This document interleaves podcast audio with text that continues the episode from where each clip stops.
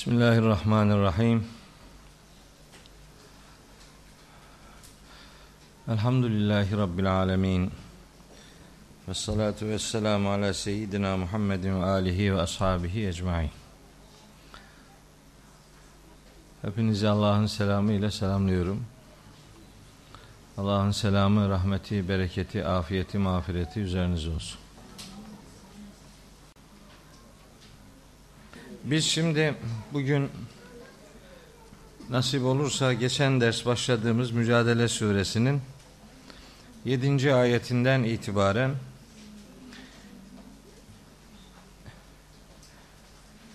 Yirmi ikinci ayetine kadar ki son bölümünü okuyacağız. Hedefimiz odur. Bu hedefi tutturalım inşallah. Çünkü başka türlü olmayacak bu iş biraz hızlı, biraz detaya girmeden söylenmesi gerekenleri daha değerli toplu cümleler halinde ifadeye gayret edelim. Bunları yerine getirirken Rabbimden niyazım odur ki önce bana söyleyeceklerimi doğru söyleyebilmeyi lütfeylesin. Sonra da size dinleyeceklerinizi doğru dinlemeyi dinlediklerinizi doğru anlamayı, anladıklarınızı doğru yaşamayı nasip ve müyesser eylesin.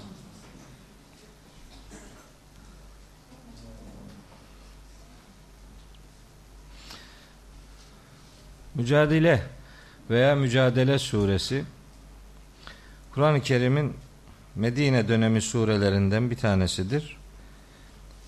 Bu 7. ayetten itibaren 22. ayete kadar ki son bölümü aslında tek bir konuyu ele almaktadır. Dolayısıyla ayetleri bölmeden bir çırpıda inşallah sözümüzü şekillendirmeye gayret edeceğiz.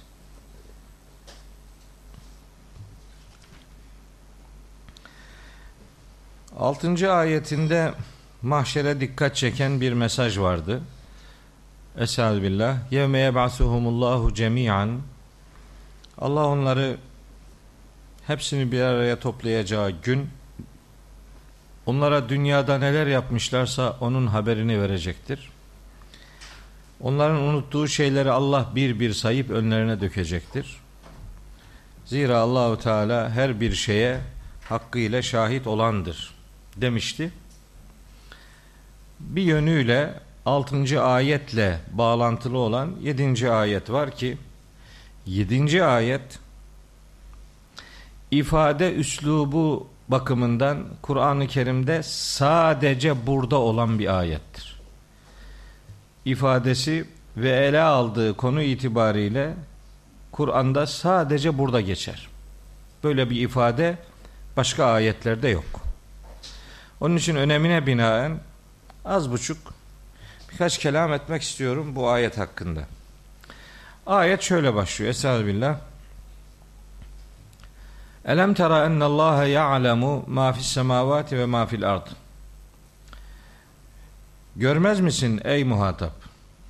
Allah göklerde ve yerde ne varsa hepsini bilmektedir. Allah'ın bilmediği hiçbir şey yok. Allah her bir şeyi mutlak surette bilir.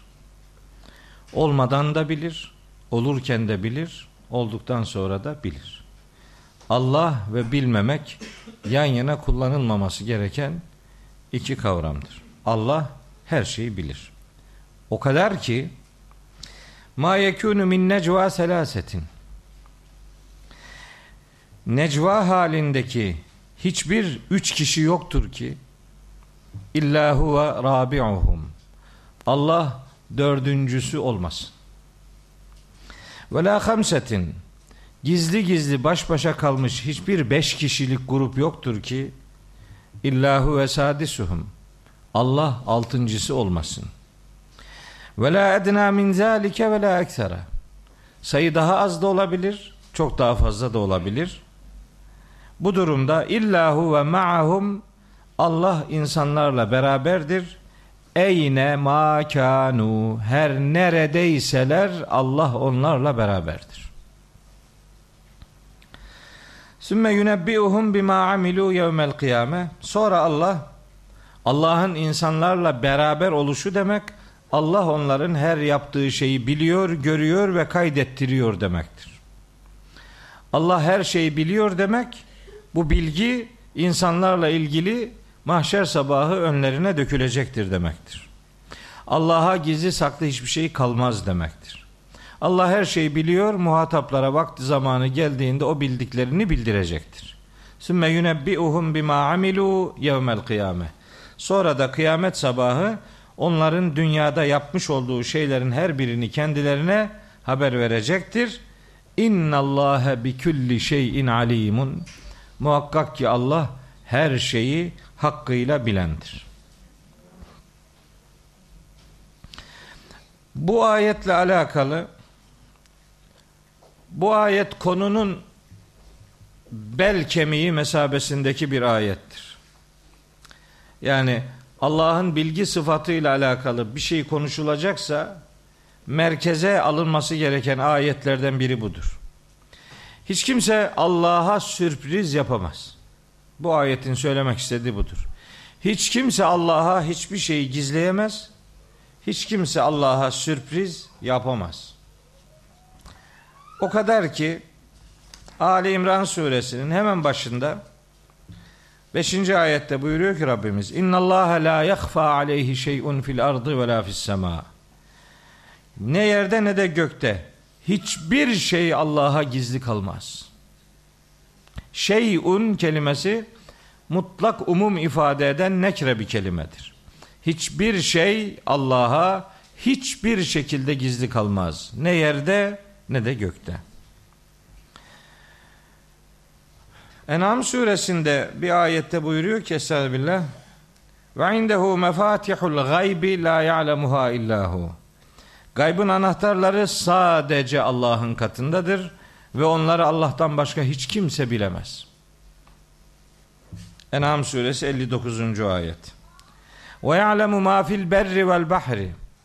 Karada ve denizde her ne varsa Allah onu bilir. Ve ya'lemu ma fil berri vel bahri. Arapçayı bilenler anlamışlardır ki oradaki ma edatı mutlak umum ifade eder. Her ne varsa karada ve denizde hepsini o bilir. O kadar bilir ki ma teskutu min varakatin illa ya'lemuha. Hiçbir yaprak onun bilgisi dışında yerinden düşmez. Habbetin fi zulumatil ardı ve la ratbin ve la yabisin illa fi kitabin mübin. Yeryüzünün karanlıkları içerisinde bulunan ne kadar ıslaklık ve kuruluk varsa onların ne kadar taneler varsa, ne varsa aklınıza gelebilecek her biri apaçık kitapta, apaçık bir kanuna kayıtlıdır ve Allah'ın bilgisi dairesindedir. Ne olursa olsun Allah her olanı mutlak surette bilir. Mesela Rahat suresinde buyuruyor ki 9 ve 10. ayetler hatta 8. ayeti de katabiliriz. Allahu ya'lemu ma tahmilu kullu unsa Allah her dişinin taşıdığı yavrunun ne olduğunu bilir. Ve ma tagidul erhamu rahimlerin zayi ettiğini bilir, düşürdüğünü. Ve ma tezdadu dünyaya getirdiklerini de bilir. Ve kullu şeyin indehu bi mikdarin. Her şey onun katında bir ölçüye sahiptir. Alimul gaybi ve şehade gaybın da şehadetin de yegane bileni odur. Allah her şeyi bilir. Sevaun minkum men eserrel kavle. İçinizden sözü gizli söyleyen de birdir. Allah için ve men cehara bihi açıktan söyleyen de birdir. Ve men huve müstahfin billeyli geceleyin gizlenen de onun için birdir. Ve saribun bin nehari gündüzün açıktan hareket eden de birdir. Onun için gizli saklı yoktur. Mümin suresinde buyuruyor ki Ya'lemu hainetel a'yuni Allah gözlerin sakladıklarını, hinliklerini, hainliklerini de bilir. Ve ma tuhfis suduru gönüllerin gizlediklerini de bilir. Allah her şeyi hakkıyla bilir. Mümin suresinin 19. ayeti. Mesela Mülk suresinde buyuruyor ki ve esirru kavleküm evicheru bihi. Siz sözünüzü ister gizleyin ister açıktan söyleyin. İnnehu alimun bidatis sudur. Allah gönüllerin içinde bulunan ne varsa hepsini bilir. Ela ya'lemu men halak. Yaratan hiç bilmez mi? Ve huvel latiful habir. O her türlü bilgiye anında ulaşan ve her şeyden haberdar olandır. İşte bu ve daha benzer ayetler Rabbimizin her şeyi bildiğini, bilmekte olduğunu açıkça göstermektedir.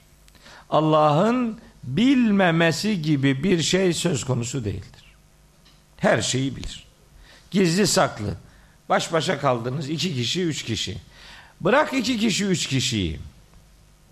Kendinle baş başa kaldığın, yüreğinden geçirdiğin her şeyi bilir. O bilmesi sadece bilgiyle sınırlı kalsa iyi. Biliyor, elbet biliyor, mesele yok. Ama o bilgi bir uygulama alanına, bir pratiğe dönüştürülecek. Bakara suresi 284 ve in tubdu ma fi enfusikum ev tuhfuhu yuhasibikum bihillahu. Siz içinizde bulunanları açığa da dökseniz, onları gizlide de saklasanız, Allah sizi onunla hesaba çekecektir. Sadece bilse, o bilgi bizimle ilgili olmasa sorun yok ama bize dönecek bu. İçinde saklasan da açığa vursan da Allah onunla herkesi hesaba çekecektir. Hesaba çekmek azaba uğramak demek değildir. Feyagfiru limen yeşâ'u ve yuazzibu men yeşâ'u. Allah dilediğini bağışlar, dilediğini azap eder. Veyahut da bağışlanmayı dileyeni bağışlar, azabı tercih edene de azap eder. Limen yeşâ'udaki yeşâ'u fiilini insana da göndermek mümkündür. Onu bu vesileyle hatırlatmış olalım. Yani sözüm odur ki Allah ve bilmemek yan yana kullanılmaz. Her şeyi bilir. Peki şimdi buradaki konu ne? Genel olarak Allah ve bilgi noktayı nazarında bir şeyler söyledik. Hatırlıyorum bir gün bununla ilgili müstakil bir ders yapmıştım. Geçen seneydi ama hangi ayetin dersiydi onu unuttum. Yani öyle bir uzun uza diye bir ders yapmıştım. Şimdi burada Kur'an-ı Kerim'de başka bazı surelerde de birer ikişer ayet olarak geçen başka bir konu var ama en detaylı burada geçiyor. Konu necva diye bir kavram. Necva diye bir kavramımız var bizim. Bunu bilmemiz lazım. Kur'an'la muhatap olan herkesin bilmesi gereken Kur'an kavramlarından bir tanesi necva kavramıdır. Şimdi bu okuduğumuz ayette necva kelimesine bakıldığı zaman sanki bir olumsuz mana hissediliyor. Yani gizli gizli. Necva aslında gizli toplantı demek. Gizli gizli bir araya gelmek demek. Toplantı gizli olunca potansiyel olarak ilk akla gelen burada bir hinlik karıştırılıyordur kısmıdır yani. Necva deyince akla o gelir. Ama biz Kur'an'daki bütün kullanımlarına baktığımız zaman necva ile alakalı tek bir karar vermemek durumunda olduğumuzu görüyoruz. Necva bir tür gizli toplantı değildir. Bu necvanın yani suya sabuna değme, değmeyen ılık su gibi olanı var. Fitne fücur üretileni var. Hayır üzere yapılan çalışmalar türü de var. Üç türlüdür yani. Necva üç türlüdür. Bunu bilmek durumundayız. Bu şunun için önemli. Şimdi biz bir ayeti okuyoruz. O konudaki diğer ayetleri bilmiyoruz. Ondan sonra o okuduğumuz ayetteki bilgiyle bayrak açıyoruz. İşte o var, bu yok diye. Halbuki o konuda başka ayetler var. Ben öteden beri söylüyorum. Kur'an'da bir konuda Kur'an'ın ne dediğini doğru söylemek istiyorsanız o konuda Kur'an'ın her dediğini bilmeniz lazım. Bir dediğine bakarak Kur'an böyle diyor diye bir sunum yapılamaz. Yapılmaması lazım. O konuda Kur'an ne kadar şey söylüyorsa hepsini bilmek lazım. Hatta hepsini bilmek de yetmez. Konuyla ilgili bütün ayetleri biliyor olmak yetmez. O konunun içinde bulunduğu Kur'an'ın da tamamını bilmek lazım. Kur'an'da bir şeyi bilmek için Kur'an'ın her şeyini bilmek gerekir. Çünkü o bir şey bütün içerisinde neyi karşılıyor onu ancak bütünü görerek kararlaştırabilirsiniz. Bütünü görmeyen adam parçayı görerek karar veremez. Yanlış olur. Bütün parça ilişkisi önemli, çok önemli. Hani ormanı görmeden ağacı tanımlamak doğru değildir. Dost olsa, şimdi burada bir dost yazsa, dostluk, arkadaşlık anlarız. Ama bunun yanına bir de der kodunu koyduğunuz zaman ne oldu şimdi? Bir dernek. Dost der. Der bir dernek. Dost bu defa derneğe dönüştü. Ondan sonra bu işte bir dünya işte haritası koyarsınız kenarına bucağına. Ha bu dostluk dünya çapında bir dostlukmuş meğer. Bu defa durum değişiyor yani. Ama bütün bunu böyle bir kabın resmi yaparsanız meğer bu bir kaseymiştir. Değişiyor yani. Yani baktığınız yere göre değişiyor. Bir parçasını görünce ona göre konuşuyorsun. Bir parça daha görünce sözün değişiyor. Biraz daha görünce daha bambaşka bir şey söylüyorsun. Bu Kur'an da böyledir. Bir ayeti görünce bir şey diyorsun. E bir tane daha var onu görünce aa başka bir şeymiş meğer bu. Onu diyorsun biraz daha ilerleyince bambaşka bir şey çıkıyor ortaya.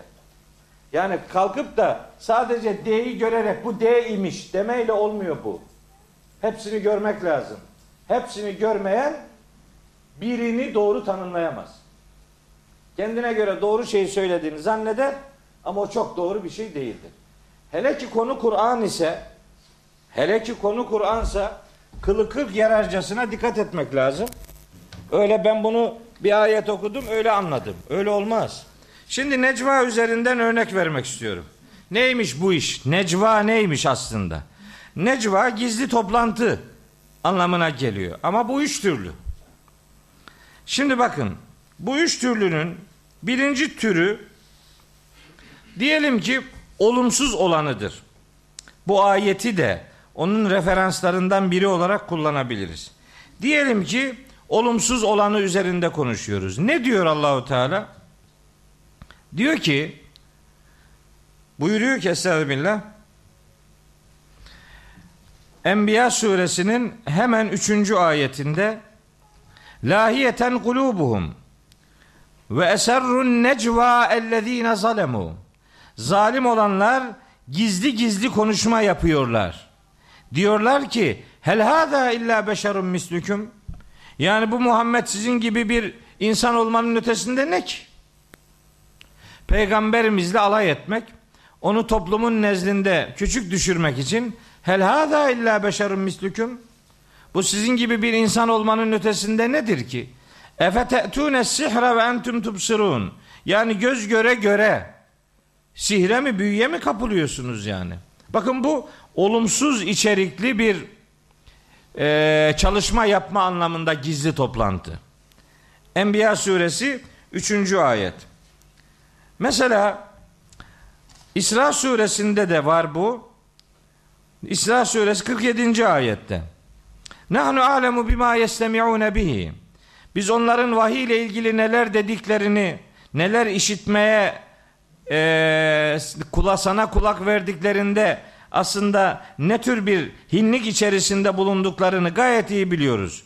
Ve idhum necva hani onlar baş başa olduklarında iz yekulu zalimune bu zalimler derlermiş ki in tettebiune illa raculen meshura yani siz sadece büyülenmiş bir adama tabi olmaktan başka ne yapıyorsunuz ki? Oradaki necva olumsuz içerikli bir toplantı. Olumsuz. Bu olumsuzluğun devamı olarak surenin 8. ayetinde de bizi bu anlamda bilgilendirecek bir nokta var. Bakın 8. ayet okuyorum. Elem tera ilellezine nuhu anin necva. Necvadan nehyedilmiş olan adamları gördün mü? Bunlara bir dikkat et. Yani gizli gizli görüşme yapması engellenen veyahut da yasaklananlara hiç baktın mı? Sümme yaudune lima nuhu anhu. Yasaklandıkları şey neyse ona ısrarla devam ediyorlar.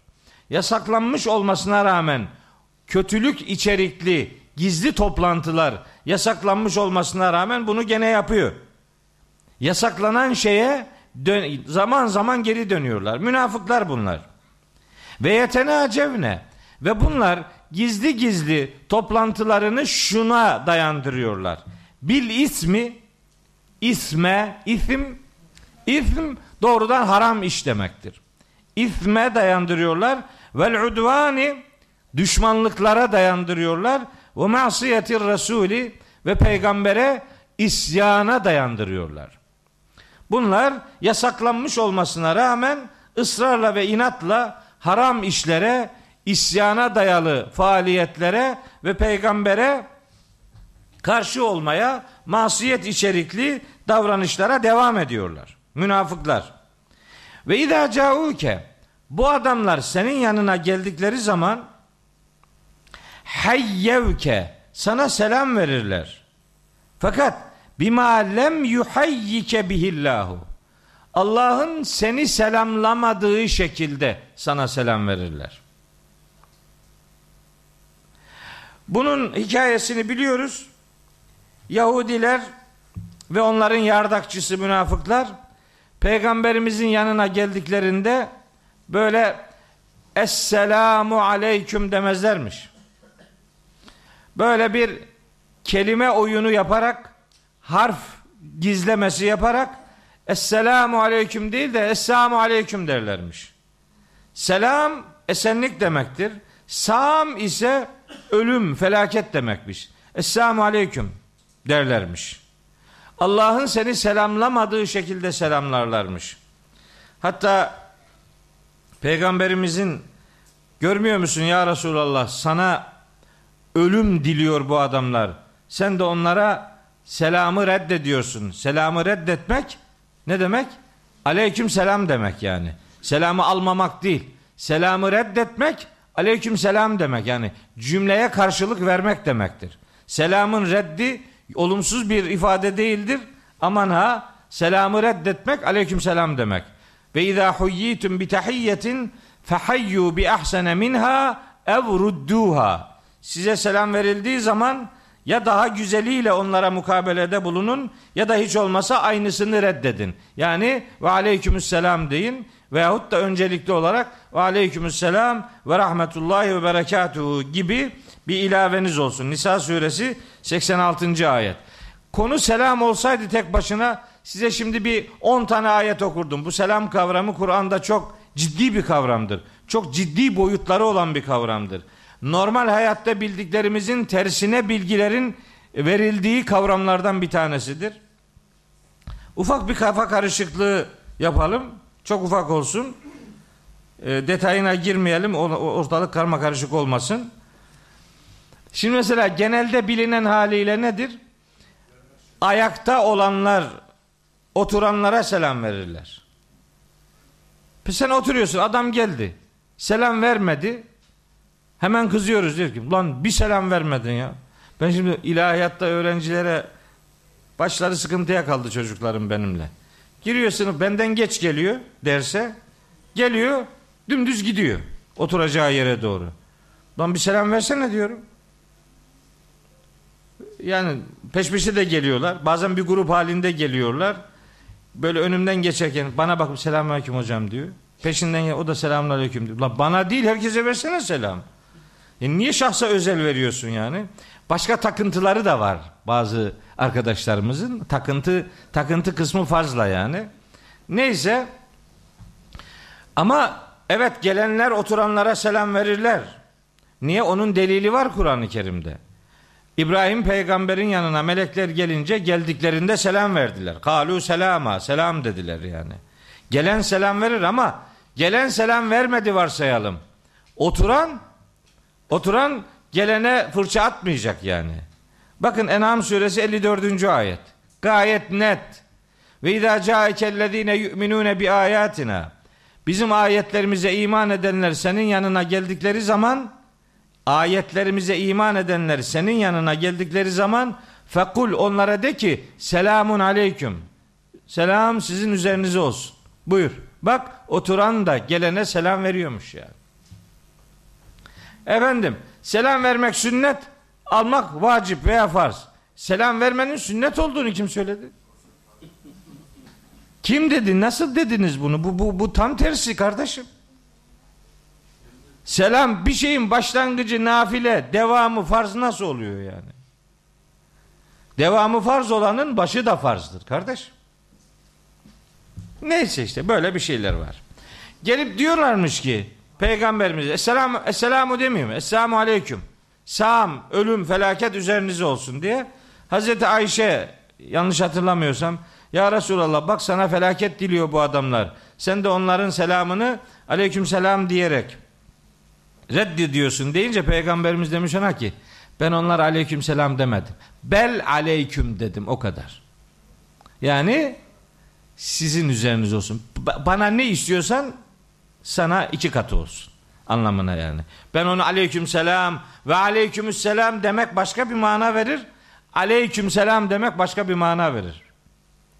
Aleyküm selam demek size biri selam verdiğinde siz ona demek demek demiş oluyorsunuz ki. Tabi böyle bir niyeti yok kimsenin ama doğru kullanmak lazım canım bunu ya. Selamını olsun doğru bilmesi lazım ümmetin. Adam geldi sana. Bazen böyle hava atmak için acayip selamlar verenler var. Şimdi güya bir şey bildiğini efendim ispat edecek. Esselamun aleyküm. O ola. Esselamun aleyküm olmaz.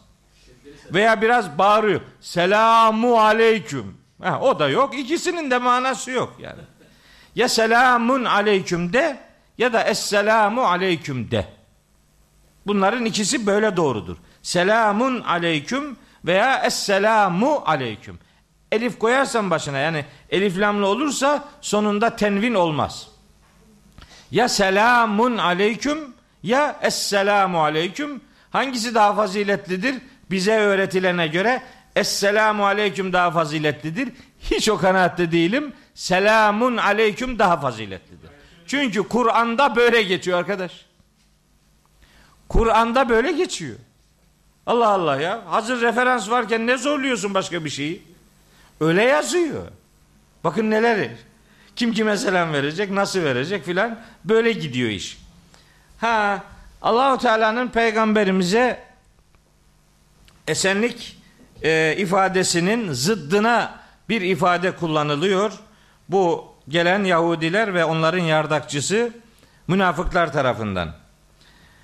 Ve yekulune ve içlerinden diyorlar ki necvanın iki türü daha var onları söyleyeceğim. Daha birinci zarar kısmındayız yani.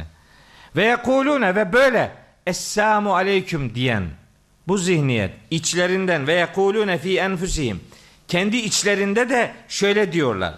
Artık kendi başa kaldığında da bunu söylüyor olabilirler ya da selamı böyle verirken kendi içinde öyle düşünüyor da olabilir.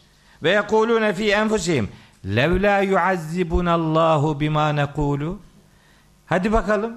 Bak adama ölüm ve felaket dedik. Bu sözümüz nedeniyle Allah bize azap etseydi ya yani eğer bir hatamız varsa bunun cezasını görsek ya hemen görmüyoruz. Demek ki peygamberimizin peygamberliği noktasında tereddütleri var. Onlara cevap veriyor Allahu Teala. Hasbuhum cehennem. Size cehennem yeter. Onlara yani. Hasbuhum onlara yeter. Cehennemu cehennem. Yaslavneha oraya yaslanacaklardır. Gireceklerdir. Febi isel masir orası ne de korkunç bir dönüş yeridir ne de korkunç bir efendim varış yeridir işte. Evet. Bu şey bu olumsuz olanı. Neyse olumsuz olanının konuları neymiş? İthim yani haram işler, udvan yani düşmanlıklar ve masiyetir Resul ve peygamberimize isyan. Kim yapıyor bunu? Münafıklar ve işbirlikçisi durumunda kendilerine rehber edindikleri Yahudiler. Bunlarla alakalı. Selamı da böyle istismar ediyorlar. Bu bir. İki. Bu necvanın suya sabuna değmeyen kısmı da var. Onu da bileceğiz. Hangisi? Yusuf suresinde geçiyor bu. Onu vakti zamanının da okumuştuk ama yıllar oldu. Ne zaman okuduğumuzu bile unuttum ben. Yusuf suresi 80. ayet var. Bu necva işi orada da geçiyor. Felemmestey esu minhu halasu neciyya. Necva, neciyya aynı kökten geliyor. Yusuf 80. ayet. Felemmestey esu minhu. O kardeşlerinden ümitlerini kesince halasu neciyya. Böyle bir kenara durumu değerlendirmek üzere kendileriyle baş başa kaldılar. Bu durum değerlendirmesi yapmak. Yani istişare etmek. Bunda bir kötü durum yok. Bunda bir hayır durumu yok. Durum üzerinde kendi aralarında fikir danışıklığı ortaya koyacaklar. Bu onun necvanın ikinci kısmı. Yani ılık olanı, yani istişareye dayalı olanı.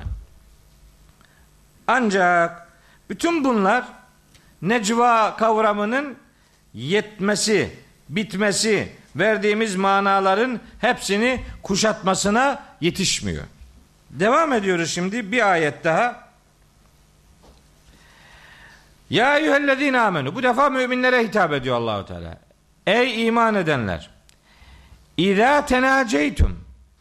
Siz de tenaceytum bu tenaca kalıp olarak karşılıklı olarak bir araya gelmek. Yani gruplar halinde bir araya gelip özel bir görüşme yap, yapacağınız zaman fela tetenacev bu özel görüşmenin konusu şu olmasın. Bil ismi haram işlerde bir araya gelmeyin. Vel udvani düşmanlıklarda bir araya gelmeyin. Ve masiyetir rasuli peygambere isyan içerikli bir toplantınız olmasın. Mümin böyle şey yapmaz. Yapamaz. Peki ne yapacak? Nasıl bir konu için bir araya gelecek? İşte bakın konunun üçüncü boyutu devreye giriyor. Ve tenacev evet bir araya gelip gizli özel bir görüşme yapmak istiyorsanız amacınız şu olsun. Bil birri ve takva. Daha çok iyilik yapmak ve daha çok duyarlılık ortaya koymak için bir araya gelip gizli gizli çalışmalar elbet yapabilirsiniz. Yapın. Bu surenin 9. ayeti. Ve tekullahellezî ileyhi tuhşarun huzurunda toplanacağınız Allah'a karşı muttaki olun yani duyarlılığınızı bilin, duyarlılığınızı kaybetmeyin. Şimdi bu ayette görüyorsunuz Necva'nın hem nasıl yapılmaması gerektiği, hangi işler için yapılmaması gerektiği ifade ediliyor, hem de hangi işler için yapılması gerektiği ifade ediliyor. Tam da bu noktada devreye bir başka ayet giriyor. Başka bir ayet daha var onunla alakalı. Hele ki bu ayet mutlaka bilinmelidir. Nisa suresinin 114. ayeti. Nisa 114. La hayra fi kesirin min necvahum. Bu adamların gizli gizli baş başa görüşmelerinin büyük çoğunluğunda hiçbir hayır yoktur diyor Allahu Teala. Tabi bu Nisa 114. ayet. O başka ayetlerin devamı olduğu için konuyu bilmek lazım. Konu nedir? Hırsızlık yapıyor bir tanesi. Suçu başkalarına atıyor. Tuğme bin Ubeyrik diye bir kişi o ve ailesi böyle gizli toplantılar yapıyorlar. Suçu başkalarına atmak için Allahu Teala onların bu işlemlerini deşifre ediyor. Ve buyuruyor ki La hayra fi kesirin min necvahum. Onların gizli ve özel toplantılarının büyük çoğunluğunda hiçbir hayır yoktur. İlla ancak gizli toplantının hayır olanı da var. Nedir? Men emara bi sadakatin.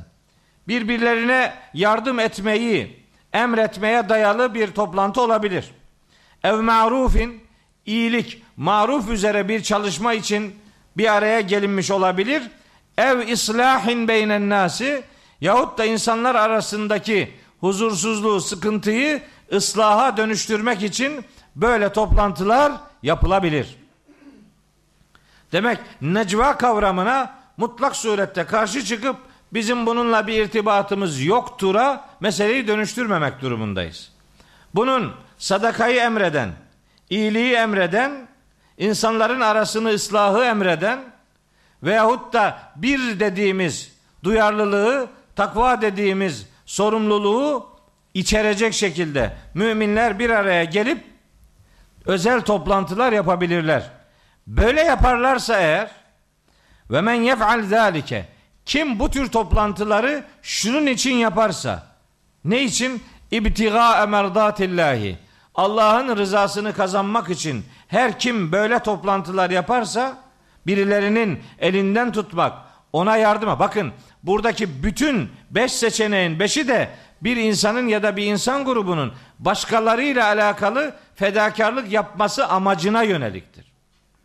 Kendi menfaatine değil, başkalarıyla alakalı iyilikler ortaya koymak. Yani böyle hayır kampanyaları düzenlenir değil mi? Böyle herkesin duyacağı şekilde.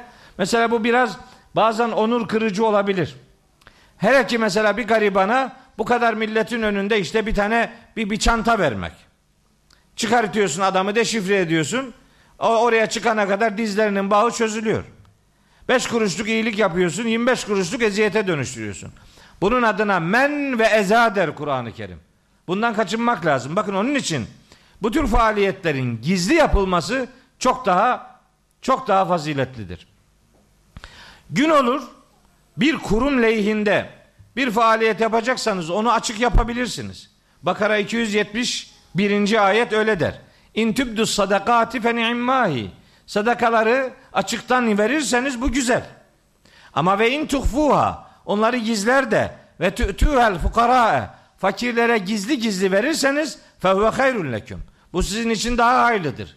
Ve yukeffiru anküm min seyyiatüküm. Böylece Allah sizin çirkinliklerinizi, günahlarınızı örter. Siz gizli iyilik yaparsanız Allah da sizin günahlarınızı gizler. Kurumsal anlamda hayır yarışı aleni olabilir. Ama şahsa yönelikse bunu aleniyete dönüştürmek iyi sonuçlar vermeyebilir. Mesela ben bu bazı yardım faaliyetleri var. Mesela öyle fakir çocukları getirip veya fakir bir aile getirip herkese gösterip al işte bak buna yapıyoruz filan. Yani bu acayip yani bilmiyorum ben mi yanlış düşünüyorum ama böyle yüreği burkan bir manzara ortaya çıkartıyor. Halbuki insan suresinden biz başka şeyler biliyoruz. Ne diyor? İnnemâ nut'imukum li vecillahi. Biz sizi Allah'ın rızası için doyuruyoruz. La nuridu minkum cezaen ve la şükura. Bununla ilgili sizden hiçbir karşılık ve hiçbir teşekkür beklemiyoruz. Budur işte. İyilik dediğim böyle bir şeydir. Böyle insanın yüreği fethedilir. İlan ediyorsun adamı, deşifre ediyorsun. Al buydu. Bir de başka bir şey daha söyleyeyim size. Hadi biraz kafanız karışsın. Biraz daha karışsın. Zekat, zekat verirken şartlar nedir biliyor musunuz? Yani detaylı şartlar var da böyle yüreğe dokunan bir şart var. Yüreğe tam yüreğe dokunuyor. Ne?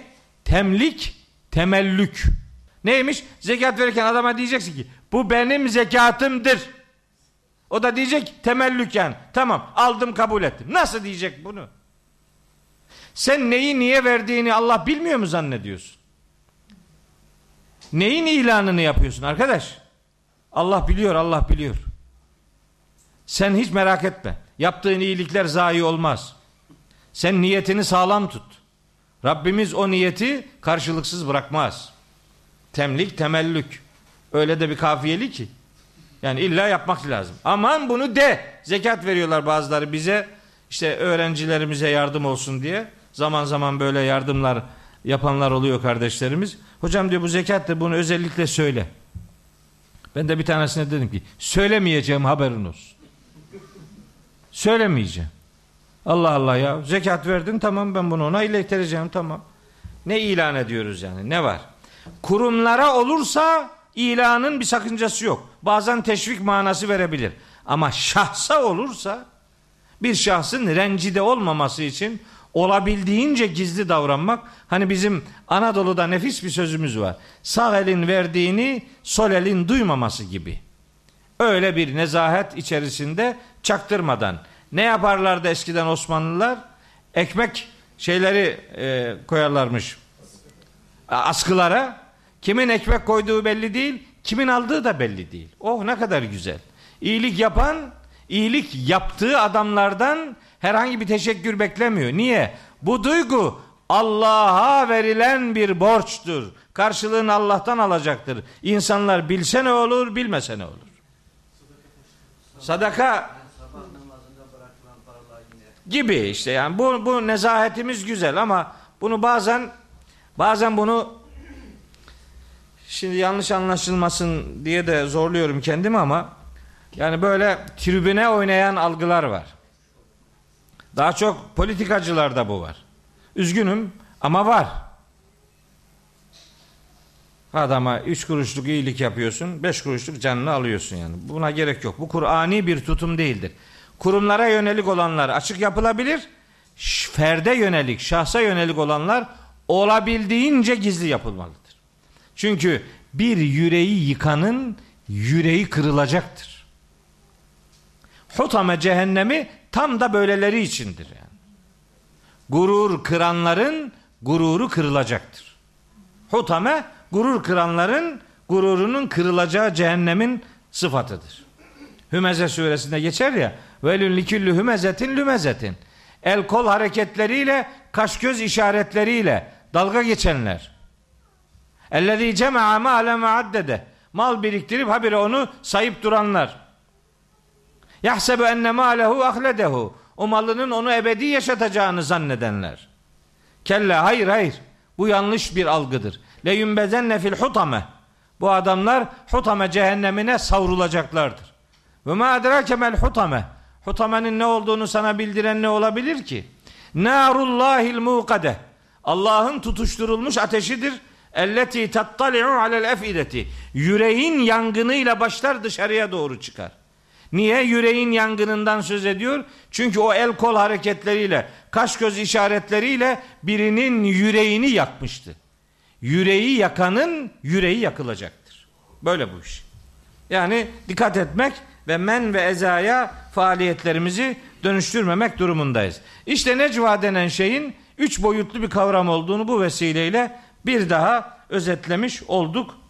Konuyla ilgili üç ayet okuduk. Devam ediyor. Bitmedi konu. İnnemen necva mine şeytani. Şeytandan gelen necva şeytandan gelen necva sadece şu amaca yönelik olur. Liyahzunellezine amenu. İçleri güçleri müminlere hüzün vermek içindir.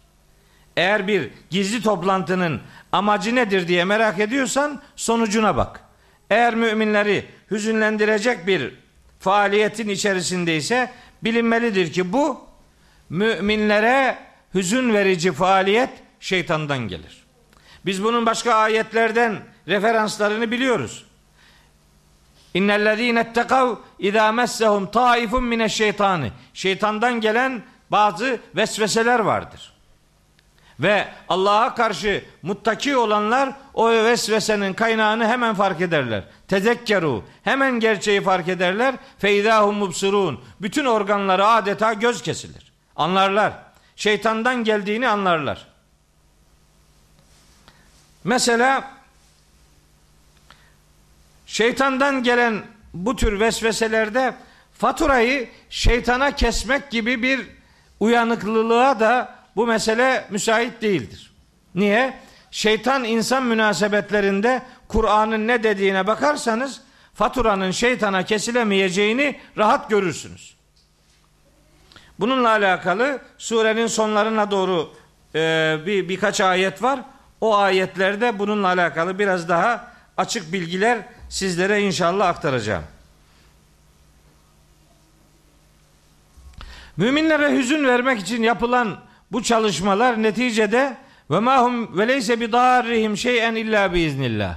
Allah'ın izni müsaadesi olmadan da o tür faaliyetlerle kimse kimse zarar da veremez. Neticede Allah var, Allah'a güven, sorumlu davranmayı gerektirdiği için Allah'a güvenenlerin güvenini Rabbimiz boşa çıkarmayacaktır.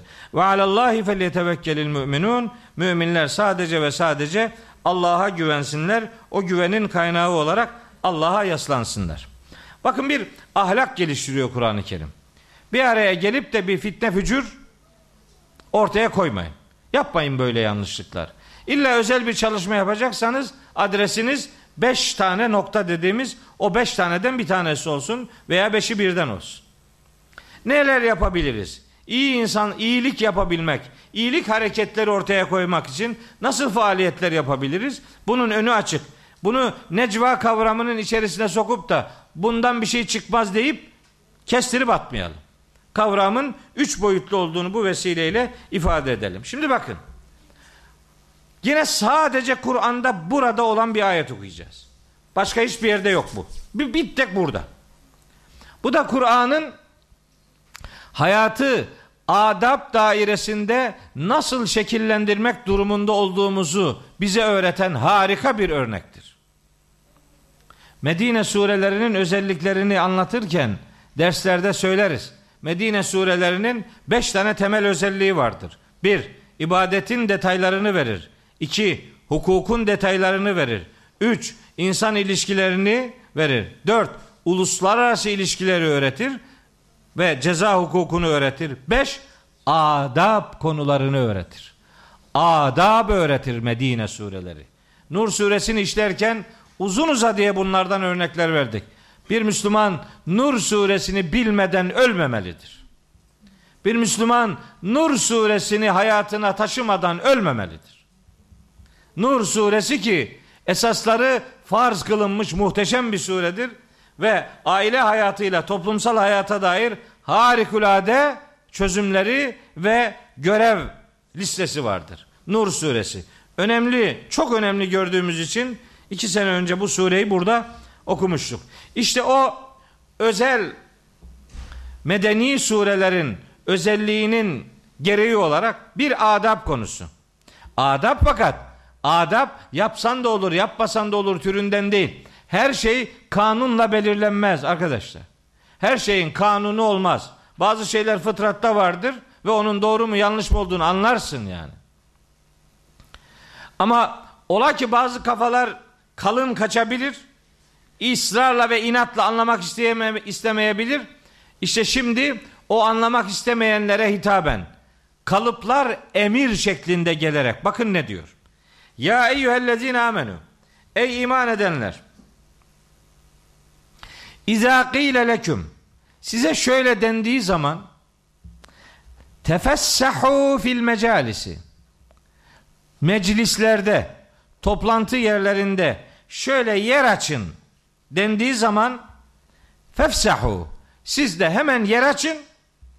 Yefsahillahu leküm. Allah da size yer açsın.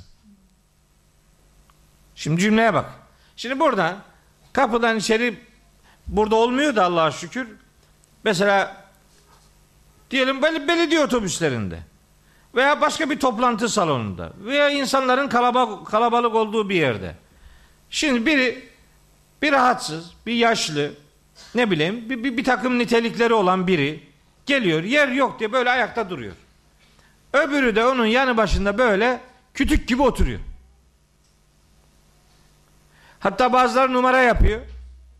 Öyle yaşlıları, engellileri, işte hastaları görmemek için uyuyor numarası yapıyor. Yalan. Uyumuyor. Uyumuyor. Yalanla alıyor eline bir şey okuyor numarası yapıyor. Yalan. Yani bu yani hepsi yalan demiyorum da yani illa yalan olmayan da vardır şüphesiz ama bu çok rahatsız edici bir şey. Bakın şimdi bu ayet nerede lazım? Hayatın her alanında lazım. Daha acil durumda olanlar varsa onlara yer açın. Siz onlara yer açın. Allah da bağışlama sıfatında size yer açsın. Sen birine iyilik yaptığın zaman aslında bir sevap niyetiyle bunu yapıyorsun. Sen bir ihtiyacı görüp o sıkıntıyı örttüğün gibi Allah da mahşer sabahı senin günahlarını örter. Allah da sana af ve mağfiret sıfatının içerisinde sana yer açar. Allah'ın sana yer açmasını istiyorsan sen de birilerine mağdur, sıkıntıda olan, ihtiyaçlı olan insanlara o yeri aç. Bu illa meclislerde yer açmaktan ibaret. Bundan bununla sınırlı olmaz. Mesela belediyeler şey yapıyorlar. Kaldırımlarda engellilere ait hani özel şeyler var. Özel renkli döşenen sarı taşlar var. Ya adam geliyor onun üzerine park ediyor arabayı. Nasıl gidecek bu adam buradan? Görme engelli adam nasıl gidecek? Hiç derdi yok. Orayla ilgilenmiyor. Çünkü bu dinin sokaklara karışmadığını zannediyor. Ya da bu ayetlerin sadece kapalı mekanlarla sınırlı olduğunu zannediyor. Ben öteden beri söylüyorum. Kur'an'ın bir söyledikleri vardır, bir de söylemek istedikleri vardır. Söylemek istediğini söylediğinden hareketle anlarsın. Peygamberimiz zamanında tabi ayet geldiği için bununla alakalı bazı olaylar naklediliyor tefsir kitaplarında. Çok nefis bilgiler var. Gerçekten çok nefis bilgiler var. Mesela isim isim sayıyor eski alimler. Peygamberimizin bulunduğu ortamda onu daha yakından görebilmek için hani can havliyle ona biraz daha yakın olabilmek için yer tutmaya gayret ediyorlar. Ama vücudu, sağlığı yerinde olan o yeri hemen tutuyor ama herkes bu yeri tutamıyor. Onlarla ilgili peygamberimizin özel bir uyarısı olmuş. Bedir gazilerine yer açın diye. İsim isim. Onlarla alakalı bunlar özellikli insanlardır. Efendim böyle bir ayrımcılığa ne gerek var? Bu ayrımcılık değil, bu duyarlılıktır. Ayrımcılık değil bu. Bu hak etmeyen bir adama hak etmediğinin verilmesi değildir. Bu bir duyarlılıktır, bu bir hassasiyettir. Neticede bir ihtiyacı örtüyor olduğunuz için Allah da sizi af ve mağfiret kaleminde yeri açarak sizin bağışlanmanızı sağlayacaktır. Adab konuları emir kalıplarında geliyor. Dikkat edin. Bunun kanun maddesini yazmaya gerek yok. Anlarsın bunun hangisinin doğru olduğunu anlarsın. Numara yapmanın bir alemi yok yani. Ve izâ bazen de şöyle denilir. Hani bu yer açın demek. Bu ilk ilk emir şey. Nasıl diyelim? Safları sıklaştırın demek yani. Bizim öyle değil mi? Sofralarımızda dört kişilik sofradan sekiz kişi doyar. Doymaz mı? Doymaz mı? Doyar. Safa duruyorsun namazda. Yani bir kısmı böyle inadına inadına sıkıştırıyor böyle mesela. Diyor ki önce sahabilerin elbiseleri buradan yırtılırmış. Safları o kadar sık tutarlarmış ki buradan yırtılmış. O kadar. Bilmiyorum esasen öyle miydi? Yani sayalım ki öyle olsun. Ama ben Mısır'da kaldım bir süre 1992 yılında.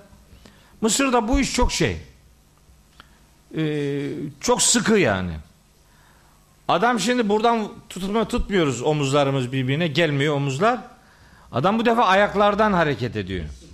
Bu ayağını böyle açıyor getiriyor bir adamın ayağına kadar. Ayakları pis bir kısmının. Allahu Ekber diyorsun aman ayağa dokunmasın bana de çekiyorum ayaklarımı böyle. Ben ne kadar çekersem o o kadar uzatıyor. Adam sünnet olmuş uşak gibi böyle dolaşıyor. Yani her rekatta ayaklarını birbirine değdirmeye çalışıyor. Bilmiyorum bunu bir duyarlılık olarak ille de bu bu boyuta varmalı mıdır ama yani mesela dün cumaydı. Cumayı kıldığım mescitte, camide böyle bir pozisyon vardı. Gerçekten ön saf yani iki kişinin arasına her her iki kişinin arasına bir kişi sığacak kadar böyle geniş duruş var.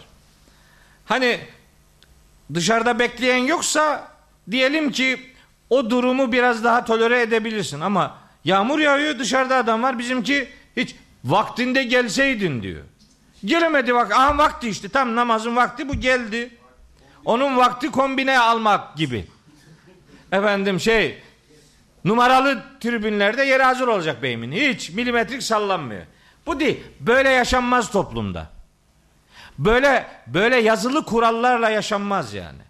Bu hayatın her alanına dair insanın esnek ve duyarlı olmasını gerektiriyor. Bazen böyle sıkışma emredilebilir. Ama ve izâ kîlen şuzu bazen kalkın derler. Fen şuzu siz de kalkın. Siz kalkın denildiğinde kalkın. Ne olur? Yerfe'illahu lezine amenu minkum. Siz ayağa kalkarsınız Allah da derecelerinizi kaldırır. Siz kalkarsanız Allah da derecelerinizi kaldırır. Kimin derecelerini? Ellezine amenu minkum. İçinizden iman etmiş olanların vellezine utul ilme derecatin ve kendilerine ilim vermiş verilenlerin derecelerini arttırır. Alim olmak duyarlı olmayı gerektirir. Dolayısıyla ayağa kalk denince de ayağa kalkılır. Yani bir ihtiyaç var. Bir gariban gelmiş. O garibanın oturmaya yeri yok ise sizin ona mecliste yer açmanız yetmez. Ayağa kalkmanız gerekiyorsa kalkacaksınız. Kalk. Kalkın Allah da sizin derecelerinizi böylece daha yukarılara kaldırsın. Bunu münafıklar inadına yapmazlarmış bu işi. Bu adab öğretisiyle toplumda kimin münafık olduğu, kimin olmadığı bir derece ortaya konuluyordu bu uygulamalarla. Bu münafıklar böyle peygamberin yanında görünmek gibi numara yapıyorlardı. Kalk buradan deyince de kalkmazlarmış onlar. Bu, bu öneri kimin münafık olduğuna dair bir kısmi ölçü olarak bir pratik uygulama olarak e, yaşanmıştı. Bir ikinci aşaması daha var. O da iki ayet sonra gelecek. Evet. Bu lüzumsuz şeyler değiller bunlar. Bazen öyle önemli olur ki yani bir cana mal olabilir. Mesela ben bazı konferanslarda görüyorum, şahit oluyorum. Yaşlı insanlar vaktinde gelemiyor. Gelemiyor öyle kapının dibinde bekliyor. Öbürü de öyle diyor orada eline almış bir şey not tutuyor güya. Tutma not. O adama yer vermen daha daha hayırlıdır. Yani böyle bir böyle bir duyarlılık Müslümanlardan bekleniyor. Ayet bunu emir kalıbında ifade ederek bir duyarlılık, bir adab ilkesi muhataplarına öğretiyor. Bu münafıklar bu işi özellikle hinlik olsun diye yaparlarmış. Yani acaba peygamber onlara göre Muhammed, bize göre Hazreti Muhammed sallallahu aleyhi ve sellem acaba yanı başındaki insanlara özel ne diyor acaba? Oradan böyle bir tecessüs için oraya sokulurlarmış. Hadi kalkın buradan gidin dendiği zaman bir mazeret durumunda itibar etmezlermiş. Çünkü onların derdi başka. Onlar meselenin ta öbeğinde bulunarak oradan bir şey elde etmenin çabası içerisine girerlermiş. Bu bir münafık ayrıştırma e, önerilerinden bir tanesi. Kim böyle davranır? Böyle bir duyarlılık ortaya koyarsa Vallahu bima ta'melune habir. Neticede Allah sizin yapmakta olduğunuz her bir şeyden haberdardır. İkinci aşama. Bu uygulamanın bir aşaması daha. Ya ellezine amenu. Ey iman edenler. İzâ nâceytumur rasûle. Siz de peygamberle baş başa görüşmek istiyorsanız özel bir görüşme varsa o zaman bu özel görüşmeleri istismara dönüştürecek bir yalpalama malzemesi yapmayın. Ne yapın? Fekaddimu beyne yedey necvâküm sadakaten. Özel görüşme isteğinizin öncesinde bir sadaka takdim edin. Zalike hayrun leküm ve atar. Böyle davranmak sizin için daha hayırlı ve daha daha temiz bir davranıştır. Ama fe inlem tecidü böyle bir sadaka ortaya koyabilecek durumunuz yoksa, bulamazsanız ekonomik imkanınız yoksa neticede fe innallaha gafurur rahim. Özel görüşmenizin önü kapalı değil. Allah imkan olmasına rağmen insanların bir sadaka takdimini onlardan istiyor. İmkan bulamayanlara da bağışlayıcı ve merhamet edici olduğunu hatırlatıyor. Şimdi bakın. Bu neyi düzenliyor bu ayet? Bu ayet şunu düzenliyor. Allah'ın Resulü meşgul adamdır. Hem bir tarafından dini önderdir. Hem bir taraftan devlet başkanıdır. Hem bir taraftan askeri yetkilidir. Genelkurmay başkanıdır. Hem bir taraftan bir aile babasıdır. Hem bir taraftan mümin, müminlerin önünde önder üsve-i hasenedir. Beş tane sıfatı var peygamberin. Sen şimdi havadan sudan sebeplerle kalkıp gelip de peygamberi ikide bir meşgul etmemen lazım. Eğer mesele tamamen tıkatılıyor değildir. Niye surenin başında Havle binti Salebe örneğini vermiştik. Zihar yapılan kadın gelmiş derdini anlatmıştı. Ama bu bir istismara dönüşecekse eğer hani Medine toplumunda Ahzab suresinde anlatıyor. Peygamberin evine lambur lumbur dalıyorlar. Şimdiki gibi kapı dış kapı zil mil öyle bir şey yok. Bir perde varsa var eyvallah geliyor daldırıyor. Hani biraz kaba saba adamlar da var toplumun içerisinde. Peygamber ile özel görüşerek onun meşguliyetlerini bir anlamda provoke etmeye meseleyi vardırabilecek bir takım girişimler var. Bunu kurala bağlıyor. Bir sadaka takdim edin. Sadakayı peygambere vermek değil bu. Buradaki sadaka toplum ihtiyaçları için harcanacak bir ayrı bir kalem. Niye sadaka üzerinde duruyor? Başka faydaları da var bunun. Mal vazgeçilmez değildir. Yani sen malından ayrılamaz bir duruş ortaya koymayacaksın. Yeri geldiğinde onu tasadduk etmeyi bileceksin. Mal her şeyden önemli değildir. Maldan daha önemli olan şeyler vardır. Ve peygamberin zamanı çok kıymetlidir. O zamanı ikide bir çarçur etmek doğru değildir. Güncel ifadesiyle söyleyelim, mesai hırsızlığı yapmanın bir alemi yok.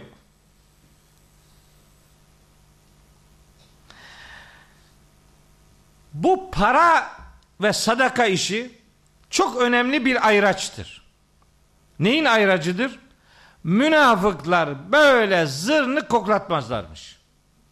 Böyle bir sadaka emri aynı zamanda toplumdaki münafıkların ayrışmasının da bir kalemi olmuştur. Hitap ya eyyühellezine amenü diye Medine'nin bütün müminlerinedir. Ama mümin görünüp de milletin mümin olmadığını bilmediği insanlar var. Münafık tipli adamlar var.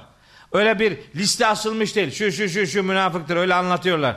Güya peygamberimiz bir gün Medine'de hutbe okuyormuştu. Orada gelmiş Cebrail aleyhisselam ona demiş ki caminin içindeki şu şu adam münafıktır. O da demiş ki sen sen sen münafıksın çıkın dışarı demiş.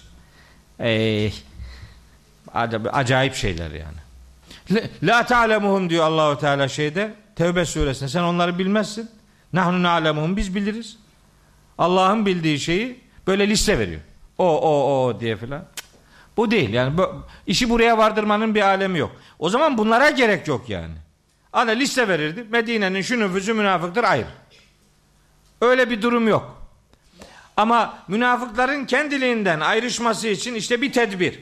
Bir toplantı meclisinde yer açması ya da orada kalkıp başkasına yer verilmesi gibi bir tedbir onların ağrına gidiyor. Niye? Kaçırmak istemiyorlar. Bakalım buradan ne koparabiliriz diye peygamberi bir diyelim özel görüşmeyi kendileri bir tecessüs aracı yaparak oradan ayrılmak istemiyorlar. O ayrılmamak bir nifak alametidir. Çünkü vaat edilen şey yerfe'illahu lezine amenu minkum ah Allah içinizden iman edenlerin derecesini arttıracaktır demek bir Müslümanın can atacağı bir hususiyettir. Müslümanlar bu konuda tereddütlü olmaz ama münafık durduğu yerde çakılı kalır. İşte bu bir ayrışma sebebidir. İki, ben daha önce defalarca söyledim. Münafık kelimesiyle, nifak kelimesiyle infak kelimesi aynı köktendir. Dedik değil mi? Defalarca söyledik. Nifak, infak aynı kökten gelir. İnfak, nifakın panzehiridir. Yani bir adam infak yapmıyorsa imkanı olmasına rağmen yapmıyorsa onda bir münafıklık alameti var demektir. Çünkü özellikle söyledik. Onlarca yüzlerce kez söyledik. İnfak imkanla sınırlı bir kavram değildir. İnfak imanla alakalı bir kavramdır. İmanınız varsa mutlaka bir çeşit infakınız da olur. İman, infak birbirinden ayrılmaz iki değerdir. Varken de infak, darken de infak. Kur'an'ın ortaya koyduğu prensiplerden birisidir. Öyleyse mal vermek bir iman göstergesidir. Enteresandır bakın. Ayette kullanılan kelime hem 12. ayette hem 13. ayette kullanılan kelime sadaka ve sadak, sadakat kelimeleridir. Gene burada çok söyledik. Sadakaya neden bu ad verilir? iman iddiasındaki sadakatin görüntüsü olduğu için. Ne kadar imanınız varsa sadakanız da ona göre şişkin olur. Veriyor, cebindeki paranın en küçüğünü veriyor. Sadakat, sad, sadaka sadakatla alakalı bir kavramdır. Bakın para verin veya işte zekat verin, infak yapın demiyor. Kullandığı kelime sadaka kelimesi. Sadaka takdim etmek. Bir sadakat görüntüsüdür. Ve münafık da böyle bir sadakatin zerresi yoktur. Vermeyecektir. Ama bu vermeyen hiç kimse peygamberle görüşmesin diye bir yasak getirmiyor. Bakın ayetin sonu ayetin sonu son derece önemlidir. Fe in lem tecidu bulamazsanız verecek bir sadaka. Fe innallaha gafurur rahim. Neticede Allah bağışlayandır ve merhamet edendir. Bu olayı veremeyenler için bir görüşmeme sebebi olarak bir engel olarak tanıtmıyor. Mesela bunu kendi hayatımızda da bazen şey yapıyorum. Ha bu sosyal medya üzerinden işte çok meşgul olurum ben. Buraya gelen mesajlara çok uzun uzun cevap veririm. Yani bir kısmı tabii çok yığılıyor. Şimdi hazırda binden fazla soru var. Onlarla uğraşamıyorum ama böyle çok acil olduğunu gördüklerimi cevaplıyorum. Adam öyle beleşçi ki diyorum ki bak kardeş bu sorunun cevabı filanca surede var. Al şu sureyi oku. Yok yok sen bana cevabı söyle. Ya sen de bir şey yap da. Ben aynı cevabı vermekten bıkmışım. 500 defa aynı şeyi söylüyorum. Bıkıyorum arkadaş. Yani sen de bir şey yap. Diyorum ki bak o konuda benim YouTube'da şöyle bir adını da söylüyorum. Şöyle bir isim yazarsan öyle bir bir saatlik bir buçuk saatlik konuşma çıkacak. Ya hocam ne olur abi şimdi söyle diyor. Hiç fedakarlık yapmıyor beyim. Hep beleşle. Bu aslında senin yapabileceğin işler var. Sen de görevini yap arkadaş. Hep başkasından bekleme. Sadaka takdimi sen de fedakarlık yapmayı bilmelisin ahlakını öğretir. Ve bu ayet geçmişte sınırlı bir ayet değil. Hayatın her anında bize lazım olan ayettir. Sen şimdi git filanca yetkili seninle özel sohbete geldim. Olur. Seninle mi uğraşacak iki saat? Varsa bir dert, ciddi bir dert, sen bir fedakarlık yap. Bu bir fedakarlık ahlakı öğretir. Olanlar için feda. Böyle bakarsanız ayetin tarihe gömülmesinin de önüne geçersiniz. Böyle bakmayınca ne oldu biliyor musunuz? 13. ayet geldi. Şöyle bir algı meydana geldi ki 13. ayet 12. ayeti ne yaptı? Neshetti. O bak ne kadar güzel iş. 13. ayet on, orada neler söyleniyor onları burada söylemiyorum. Burada nasıl izahlar var işin o detayına girmiyorum. Orası lazım da değil. Ama burada bir nesih olabilmesi için 12. ayette verin dediği bir uygulamayı 13. ayette vermeyin diye değiştirmesi lazım. Nesih olacaksa böyle olur. Bir emir yasağa dönüştürülür veya bir yasak kaldırılır veya bir iyi şey kötü diye tanıtılır.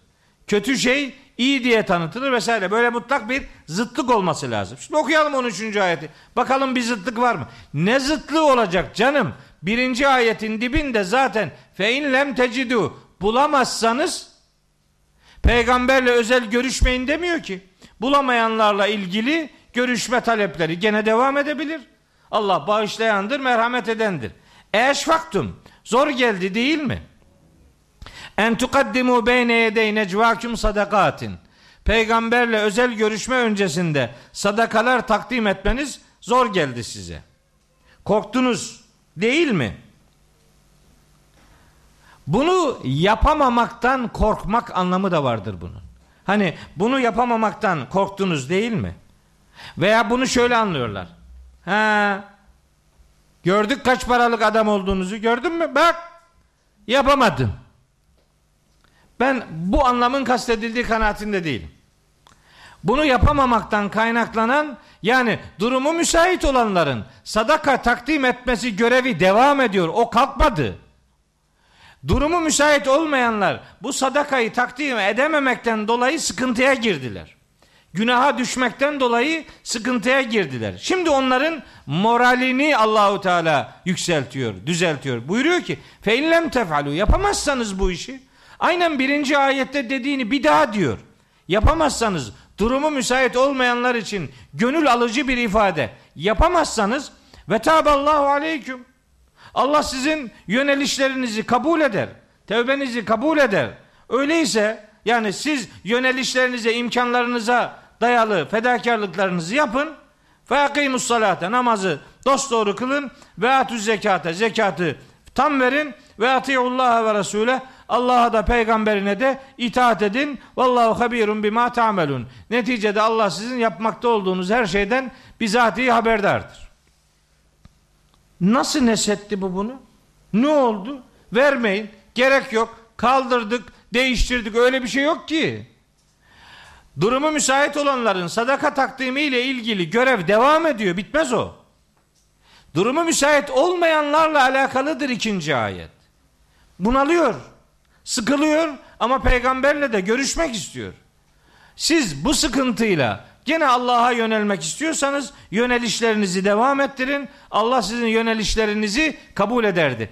Tabe ala yönelişi kabul etmek demektir. Ama tabe alaya tevbeyi kabul etmek. Yani vermedik onun için günahkar olduk. Allah da bizim günahlarımızı affetti. Öyle algılıyor. Tabe kelimesi geçmişe dair bir sözleşme değil. Tabe kelimesi daha önce yapılmış bir hatanın daha sonra devam etmeyeceğine dair bir kararlılık ortaya koymaya tevbe derler. Tevbe hayatın geçmişiyle değil, anı ve geleceğiyle ilgili bir kavramdır. Dolayısıyla bu iki ayet arasında birbirini zıddını gerektirecek bir mesaj yok. Dolayısıyla böyle bir nesih kesinlikle söz konusu bile değildir. Nesih filan burada aranmaz, aranmamalıdır. Allah sizin sıkıntıda olduğunuzu biliyor ve bu anlamda varsa yönelişleriniz o yönelişleri kabul edecek. Siz namazınıza devam edin, zekatınıza devam edin, Allah'a ve peygambere itaate devam edin. Neticede Allah hepinizin ne durumda olduğunuzu bilmekte ve yaptığınız her bir şeyden de hakkıyla haberdar olmaktadır ifadesi bu necva konusuyla alakalı bu ayet grubunda 7. ayetten 13. ayete kadarki pasajda necva konusu böylece ele alınıp sona erdiriliyor. 14. ayetten 22. ayete kadarki bölüm ne derler ona? Ee, böyle necva kadar detaylandırmamızı gerektirecek bir e, detayı yok. E, arzu ediyorsak bitireyim şeyi. Yani sureyi bitireyim. Yorulduk derseniz dersi bitireyim. Yok tabi. İşte bizim üzerimize alınıyoruz bunu hocam. Diyoruz ki yani bir alim adam çalışıyor, meşgul, gidiyorsun. Hocam muhabbete geldim. Ya sen de diyorsun ki yani muhabbetin çok da zamanında gelmedin. Yani iş var, güç var. Yönetici insanları gereksiz yere meşgul etmemek. İhtiyacı ona arz etmemek değil. Bakın surenin en başında havle örneği bu kapının yani bir özel görüşme talebinin daima canlı olduğunu bize öğretti zaten. Bunun meselelerin istismarını engellemeye yönelik bir vakit çalmaya, bir mesai hırsızlığına meselenin dönüşmemesi için yapılan bugün gündelik hayatta da uygulanması, hayatın her alanında uygulanabilme imkanı olan bir e, adab düzenlemesidir. Belediye otobüsünden sokakta yürüyüşe varıncaya kadar hayatın her alanında bununla alakalı problemler görülebilir. Kur'an hayatın sokağına da, çarşısına da, otobüsüne de karışıyor mesajını bu ayetlerden elde edebiliriz. Doğrusu benim okumam bu istikamettedir, bu yöndedir. Bitiyor muyum sureyi? Tamam. Elem tera ilellezine tevellev kavmen gadaballahu aleyhim. Sen şimdi gö- görüyor, bakıyor musun? Allah'ın kendilerine gazap ettiği insanları dost edinenler. Allah'ın gazap ettikleri Yahudiler. Gayril mağdub aleyhimdeki ifadeden esinlenerek böyle yorum yapılıyor ama sadece tarihsel anlamda gazaba uğratılanlar bazı Yahudiler değillerdir. Allah'ın gazap ettiği, Allah'a meydan okuyan adamlarla alakalı evrensel bir ifadedir bu. Bunları dost edinenler kimler? Medine'nin münafıkları. Bu münafıkların yaptığına bakıyor musun? Mahum minküm ve la minhum. Bu münafıklar ne sizdendir ne de onlardan. Tabi öyle. Bunların nasıl zikzak çizdiklerini biz Nisa suresi 143. ayetten biliyoruz. Ne diyor? Müzebbzebine beyne zalik. İkisi arasında debelenir dururlar. La ilaha ulai ve la ilaha ulai. Ne bu taraftan yana ne o taraftan yana. Böyle bu kalemun gibi sallanıp duruyor. Bir oradan görünüyor bir buradan. Allahu Teala da diyor ki bu adamlar ne sizdendir ne de onlardan. Münafıklar zaten aslında bir yerdendir. Ne yer nereden? Allah'a karşı olmaktan ne mallanır bu adamlar. Bu karşılıklarda yüzü olmadığı için baktığında adamı tanıyamazsın. Münafık demek yüzsüz adam demektir. Çok yüzlü, iki yüzlü, iki yüz yüzlü nihayet yüzsüz adamdır. Baktığında onu görmezsin. Başka şeyler yüz, yüz diye sana gösterdiği senin gördüğün değildir yani. O itibarla deşifre ediyor Allahu Teala. Bunlar ne sizdendir ne de onlardan. Ve yahlifun alel kezibi ve hum ya'lemun. Bile bile yalan yere yemin ederler. Neye yalan yere yemin ediyor bu adamlar? Bunların yeminlerini biz biliyoruz. Mesela Bakara suresi 8. ayet. Ve minen nasi men yekulu amennâ billahi ve bil yevmil ahiri ve ma hum müminin. Derler ki Allah'a ve ahirete inanıyoruz halbuki inanmazlar. Yalan konuşuyorlar. Münafıkun suresinin birinci ayeti de bunlarla alakalı. İza ca'akel münafikune kalu neşhedü inneke le Resulullah vallahu ya'lemu inneke le Resuluh vallahu yeşhedü innel münafikine lekazibun. Allah şahittir ki münafıklar yalan konuşuyor. Yalan yere yemin ediyorlar. Biz onların yalan yere yeminlerini çok çok çok çok iyi biliyoruz. Tevbe suresinden de başka örnekler var elimizde. A'addallahu lehum azaben şedida. Allah böyleleri için şiddetli bir azap hazırlamıştır. İnnehum sa'a ma kanu ya'melun. Ne de çirkin şeyler yapıyor bu adamlar. Mümin toplumun içerisinde yaşayıp münafıklık, münafıklık yapıp Yahudilerle yani İslam düşmanlarıyla işbirliği yapanlar ne korkunç işler yapıyorlar. İttekazü eymanehum cünneten. Yeminlerini de kalkan ediniyorlar. Cünne kalkan demektir. Neye kalkan? İmanlarını örtmeye kalkan ediyorlar. Yeminlerini kalkan ediyorlar. Neye kalkan? Size karşı kendilerini koruma kalkanı ediniyorlar. Ve bunun sonunda fasaddu an sebilillahi. Hem kendileri Allah yolundan sapıyor hem de başkalarını saptırıyorlar. Yeminlerini kalkan edinip saddu an sebilillahi. Hem Allah yolundan kendileri sapıyor hem sadde kelimesinin saptırmak anlamı da var. Kendileri de insanları Allah'ın yolundan alıkoyuyorlar, saptırıyorlar. Felehum azabun mühinun. Böyleleri için alçaltıcı bir azap vardır. Ekonomik durumlarının, sayılarının, aile, akraba kalabalıklığının sizi aldatan bir tarafı olmasın. Len tuğni anhum emvaluhum ve la evladuhum min Allahi şey'a. Mallarının ve çocuklarının yani kemiyetlerinin kalabalık olması Allah'ın onlara vereceği azaptan herhangi hiçbir şeyi gideremeyecektir. Len tuğniye. Len edatı bir şeyin ebediyen olamayacağını ifade eden olumsuzluk manası veren bir edattır. Bu kalabalıkları, kalabalıklıkları ve Yahudilerle ilişki içerisinde bulunup ekonomik anlamda güçlü duruşları Allah'tan gelecek hiçbir azabı onlardan engelleyemeyecektir. Ulaike ashabun nar. Bunlar cehennemin yaranıdırlar. Hum fiha halidun ve neticede orada ebedi olarak kalacaklardır. Ne zamandır bu cehennemlik işi? Yevme yeb'asuhumullahu cemiyan. Allah'ın onların hepsini bir araya toplayacağı o gün. Yani mahşer günü onlar bu cehennemlik olmayı ebedi olarak yaşayacaklardır. Orada yani mahşerde feyahlifune lehu Allah'a yemin edecekler. Kema yahlifune leküm size yaptıkları yemin gibi Allah'a da yemin edecekler ve yahsabun ennehum ala şeyin. Bu yeminlerinin bir işe yarayacağını zannedecekler. Size dünyada nasıl yalan yere yemin edip sizi aldatıyor, aldatmaya çalışıyor idiyseler aynı şeyi mahşerde Allah'a da yapacaklar.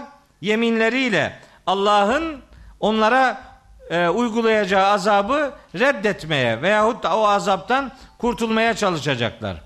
Onların bu tür yeminlerini biz ölümleri anındaki sözlerinden de biliyoruz. Nerede? Nahil suresi 28. ayet. Kendilerine yazık ederek ömür geçirenleri vefat ettirirken melekler bu adamlar fe elkavus seleme ma kunna na'melu min su'in. Barış eli uzatırlar derler ki biz hiçbir kötülük yapmamıştık. Bela. Hayır. İnna Allah alimun bima kuntum ta'malun. Allah sizin neler yaptığınızı gayet iyi biliyor. Yalan konuşmak ölüm anıyla başlayacak. Mesela biliyorsunuz mescidi dırar yapmışlardı Medine'de. O ayet çok enteresan bir ifadeyle sona erer. Tevbe suresinin 107. ayeti o ayet var uzun bir ayet ama ilgili kısmını hatırlatayım. İşte dırar mescidi yapıyorlar. Bunu yaparken diyorlar ki ve le yahlifunne üstelik üzerine basa basa kararlı bir şekilde yemin ediyorlar ki in eradina illel husna ya bizim iyilikten başka hiçbir muradımız yok. Vallahi billahi iyilik düşünüyorum. Yalan. Bu yalancıların bugünkü versiyonları ne kadar var bir bilseniz. Nasıl yalandan yemin ediyor? Nasıl yalan konuşuyor? Yüzüne gözüne baka baka yalan konuşuyor. Ama vallahu yeşhedü innehum lekazibun. Onların yalancı olduklarını Allah gayet iyi bilmektedir. Bu münafıklarla alakalı. Konunun müşrik versiyonu da var. En'am suresinde. Sümme lem tekün fitnetuhum illa en kalu vallahi rabbina ma kunna müşrikin. Rabbimiz Allah'a yemin olsun ki biz müşrik değildik. Yalan. Yalan En'am suresi 23. ayette geçiyor. Bu yalan bunların adeta edebiyatı olmuş. Ama bu yalan yere yemin ile Allah'ın onlardan bir şeyleri efendim engelleyeceği veya bir azabı onlardan def edeceği zannına hizmet ediyorlar ve Rabbimiz onları deşifre ediyor. Ela dikkat edin. İnnehum humul kazibun. Bu adamlar yalancıların ta kendileridirler. Sürekli yalan konuşuyorlar. Sürekli yemin etmek bir nifak alametidir. Olur olmaz yerlere yemin etmek bir münafıklık alametidir ve bir Müslümanda böyle bir arıza görüntüsü olmamalıdır. Bunlar İstahvede aleyhimuş şeytanu. Bunlar kendilerini şeytanın hükümranlığına aldığı adamlardır. İstahvede aleyhimuş şeytan, şeytan onları kapladı yani. Şeytan onları hükümranlık alanına aldı, etki alanına aldı. Şeytan onları istila etti yani. Böylece fensahum zikrallahi. Allah'ı hatırlamayı onlara unutturdu şeytan. Ulaike hizbu şeytan. Bu adamlar zaten şeytanın tarafında adamlardır. Ela inne hizbe şeytanumul hasirun. Dikkat edin şeytanın tarafında olanlar ziyana uğrayacaklardır. Şeytan onları kapladı. Şeytan onları hükümranlığına aldı. Şeytan onları istila etti. Sanki şeytan bir fail gibi algılanıyor. Oysa başka ayetlere baktığımız zaman mesele böyle değil. Şeytanın kime geldiğini, şeytanın kime musallat olduğunu biz çok iyi biliyoruz. Nereden biliyoruz? Nereden biliyoruz? İbrahim suresi 22. ayetten biliyoruz. Uzun bir ayet var orada. Ve kâle şeytanu lemma kudiyel emru inna allaha vaadakum vaadel hakkı ve vaadtukum fe ahleftukum ve ma kâne liye aleyküm min sultanin illa en da'avtukum festecebtum li فَلَا تَلُومُونِي وَلُومُوا أَنْفُسَكُمْ مَا أَنَا بِمُسْرِخِكُمْ وَمَا أَنْتُمْ بِمُسْرِخِيَّ إِنِّي كَفَرْتُ بِمَا أَشْرَكْتُمُونِ مِنْ قَبْلُ إِنَّ الظَّالِمِينَ لَهُمْ عَذَابٌ اَلِيمٌ Ey İbrahim suresi 22. ayet. Ez cümle şu. Allah size gerçeği vaat etti. Ben de size bir şeyler vaat ettim. Fakat sözümde duramadım. Ama benim sizin üzerinizde herhangi bir yetkim, otoritem, baskım yoktu. Sadece çağırdım, siz de balıklama daldınız. Şimdi beni kınamayın, kendinizi kınayın. Ne ben bugün sizin feryadınıza yetişebilirim, siz benim feryadıma yetişebilirsiniz. Vakti zamanında benim peşime gelişinizi de ben zaten inkar etmiştim. Kabul etmemiştim ki ben bunu. Mahşerde kendini savunacak. Sapanlar, saptıranlar çatışacak mahşer sabahı. Ama Allahu Teala birbirini suçlayan bu adamlara ki o İbrahim suresi 21. ayet ve Sebe suresi 31, 32, 33. ayetler hep bununla alakalıdır. Bu birbirini karşılıklı olarak suçlamalar para etmeyecektir. Fe innehum yevmeydin fil azabı müşterikun. Azapta hepsi ortak olacaklardır diyor. O beni saptırdı. Faturayı ve ihaleyi başkasına kesmek sökmeyecektir. Biliyoruz. Mesela bakın Meryem suresinde var. Elem tere enna arsalne şeyatin alel kafirine teuzzuhum ezza. Meryem 83. ayet olması lazım. Yani biz görmüyor musunuz? Biz şeytanları zaten kafir olanların üzerine göndeririz. Zaten kafir olmuş adam. Adam kafir, şeytan ona gelir. Yani bir adam yani şeyi antenleri şeytanın uydusuna çevirirse şeytanın yayınlarını alır. Sen uyduyu nereye çevirdiysen oranın yayınını alırsın. Zuhruf suresi 36. ayet. Ve men ya'şu an zikrir rahmani. Rahman'ın zikrinden, hatırlattığı gerçeklerden kim uzak yaşarsa, kim Rahman'ın öğüdüne yüz çevirerek yaşarsa nukayyid lehu şeytanen. Biz onun başına şeytan musallat ederiz. Bakın Kur'an'dan yüz çevirmek sebep, şeytanla buluşmak sonuçtur. Kimse faturayı şeytana kesemeyecektir. Bu uydu meselesi, anten meselesi tam bunu açıklıyor. Anteni hangi uyduya çevirirsen oranın yayınını alırsın. Şeytana çevirdin, şeytanın yayınlarını aldın. Böylece seni hegemonyasına aldı. Ama sebep sensin. Sen böyle yaptın, sonuç öyle tecelli etti. Ve şeytanın tarafında olanlar elbet zarara ve ziyana uğrayanlar olacaklardır. Allah'ın unut Allah'ı anmayı unutturmak. Bu da çok önemli bir literatürdür Kur'an-ı Kerim'de ama Haşr suresinde onunla ilgili çok çarpıcı bir ayet gelecek. Detayı orada vereyim. Burada detaya girmeyeyim. Devam ediyor şimdi bu münafıklar ve onların çanakçılığını, e, taşeronluğunu yaptığı Yahudiler için innellezine yuhaddun Allah ve Resuleh ulaike fil ezellin Yahudi ve münafıklar için ama burada isim zikredilmediği için sözü edilen davranışı kim yapıyorsa onlara hitap ediyor. Yuhaddun Allah. Bu yuhaddune fiiline geçen ders bir mana vermiştim. Efendim savaş açanlar, karşı çıkanlar manası standart manası. Ama biz o önceki ayetlerde hududullah tamlamasının peşinden geldiği için hududullah Allah'ın sınırları demektir. Yuhaddun Allah'a karşılıklı olarak yani münafıklar bir taraftan, Yahudiler bir taraftan Allah'ın sınırlarına itibar etmeyip Allah'a ve peygamberine sınır belirlemeye çalışanlar. Allah'a sınır tavsiye edenler.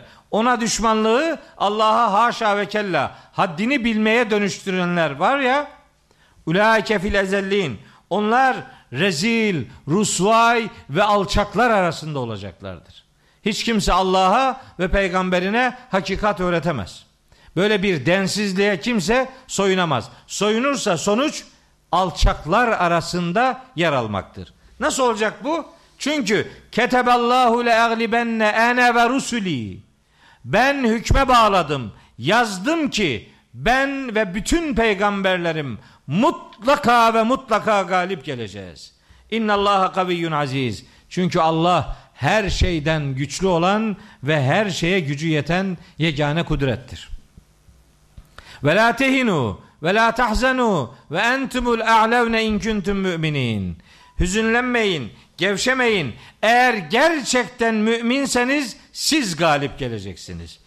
Bugün Müslümanlar yeryüzünün galipleri değil, mağlupları durumundaysalar sorunu imanlarında arasınlar. Gerçekten iman etmişseniz gevşemeye ve hüzünlenmeye medar yok. Siz galip geleceksiniz. Ama heyhat öyle bir galibiyet durumumuz yok. Düşmanın gücü üzerinden konuşuyoruz.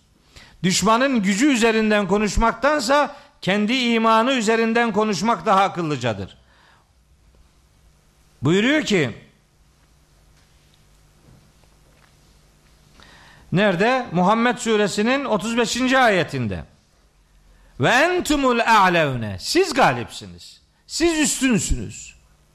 Üstün üstün değiliz ama niye? Çünkü Ali İmran suresinde 139. ayette imanımızla alakalı bir göndermesi var Rabbimizin. Gerçekten iman ediyor ve güveniyorsanız siz galip geleceksiniz. Şeyde geçiyor. Maide suresi 56. ayette. Ve men yetevellallaha ve rasulehu vellezine amenu fe inne hizballahi humul galibun. Allah'ı, peygamberini ve müminleri gerçekten dost edinenler bilsinler ki Allah'ın yanındadırlar ve Allah'ın yanında olanlar mutlaka galip geleceklerdir. Maide 56. ayet. Şimdi böyle gönül ferahlatıcı ayetler varken moral bozmanın bir alemi yok. Sadece arızanın nerelerden kaynaklandığını bilmek ve onun üzerine üzerine yürümek durumundayız. Bizden istenen budur. Biz galip geleceğiz ama imanımız adam gibi olursa. Ve son bir uyarıyla sure bitiyor. 20. ayet ancak öyle çok da kısa bir ayet değil. Biraz uzun ama detaya girmiyorum. Bir sürü ayet not aldım. Bu 20 e, şey 22. ayetle alakalı bir sürü ayet not aldım ama vakit yok saat 3 oldu. Şey yapmayayım, zorlamayayım. Sadece mealen geçeyim. Konu bir daha gelecek. Nerede gelecek? Mümtehine suresinin kafasında gelecek.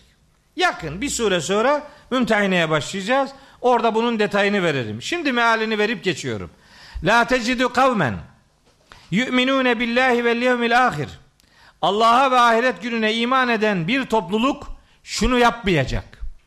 Allah'a ve ahiret gününe iman eden topluluk şöyle bir görüntü vermeyecek. Sen böyle bulmayacaksın bunları. Bulmaman lazım.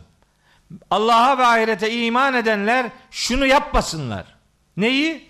Yuvaddune. Sevgi beslemeyecekler. Bir meveddetleri olmayacak. Kime? Men haddallaha ve rasulehu. Allah'a ve peygamberine savaş açan, onlara haddini bildirmeye çalışan bu densiz insanları muhabbetin ve meveddetin konusu yapmayacaklar.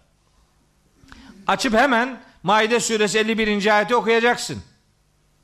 Kimi dost edinebilirsin, kimi edinemezsin. Gidip hemen bak şey Nisa suresinin 137, 138, 139, 140. ayetlerini okuyacaksın. Öyle aklına estiği gibi onunla dostluk kurulur, bununla kurulmaz. Kiminle dostluk kurulabileceğini Kur'an'dan öğreneceksin. Allah'a ve peygamberine savaş açmış adamlara meveddet besleyemezsin bitti. Ama onlara meveddet beslememek, ilişkiyi kesmek anlamına gelmiyor. Niye? Mümtehine suresi bizim başkalarıyla ilişkimizi düzenleyen ayetlere sahiptir. Yasaklanan meveddettir. Yani can, candan gelen bir sevgi onlara besleyemezsin. Neye rağmen? Cümleye bakın. Velev kanu abaehum ev ebnaehum ev ihvanehum ev aşiretehum. Aman Allah'ım. Bu Allah'a ve peygamberine savaş açan, onlara düşmanlık yapan, onlara haddini bildirmeye gayret eden bu densiz, ister sizin babanız olsun, ister oğlunuz olsun, ister kardeşiniz olsun, ister akrabanız olsun. Var mı böyle tanıdığınız bir yiğit? Sevdiğini Allah için sevip sevmediğine Allah için buğz eden yiğit var mı? Bizim sevgimiz ve sevgisizliğimin ölçüsü Allah'ın merkezinde Allah'ın olduğu bir ölçü değil. Biz bizim takımdansa severiz. Değil mi? Bizim tarikattansa severiz. Bizim cemaattense severiz. Bizim gruptansa severiz. Bizim camiamızdansa severiz. Gerisi gerisi beni ilgilendirmez. Öyle demiyor bak. Hakikate karşı çıkanlar baban bile olsa, oğlun bile olsa, kardeşin bile olsa, akraban bile olsa ondan yana olmayacak ve ona bir meveddet beslemeyeceksin. Gidin evde Allah aşkına okuyun. Tevbe suresi 23 24. ayetleri okuyun. Tevbe 23 24'ü okuyun. Kime nasıl davranmanız lazım geldiğini yüzde bin göreceksiniz. Ben o ayetleri inşallah mümtehineyi işlerken okuyacağım. Ulaike ketebe fi kulubihimul iman. Bu kişiler kalplerine Allah'ın imanı yazdığı adamlardır. Allah bizim kalbimize takvayı ilham etmiştir. Allah bizim yüreğimize imanı sevdirmiştir. Şems suresi 8. ayet, Hücurat suresi 7. ayet ve bu ayet Haşr suresi 22. ayet hamurumuza imanın yazıldığının delilidir. Sadece yazmakla kalmamış. Ve eyyedehum bir ruhim minhu. Allah kendi katından onları bir ruhla, bir güçle, bir ilham ile, bir takat ile, bir efendim kalp nuru ile, yardımı ile, vahyi ile, gücüyle, basiretiyle, ferasetiyle Allah onları destekler. Hem katından bir güç hem imanın verdiği bir güçle Allah onları destekler. Ve yudhiluhum cennetin tecri min tahtihel enharu halidine fiha. Ve bütün bu duyarlılıklarının sonucunda Allah onları altlarından ırmaklar akan cennetlere koyar ve orada ebedi olarak kalırlar. Radıyallahu anhum ve radu'an. Nihayet Allah onlardan razı olmuştur. Çünkü onlar da Allah'tan memnundurlar. Allah'tan memnun olanlardan Allah razıdır. Ulaike hizbullah. İşte bu sayılan özelliğin sahibi olanlar Allah'ın tarafında olanlardır. Ela inne hizballahi humul müflihun. Dikkat edin. Allah'ın yanında olanlar, Allah'ın tarafında olanlar elbet kurtuluşa erecek olanlardır.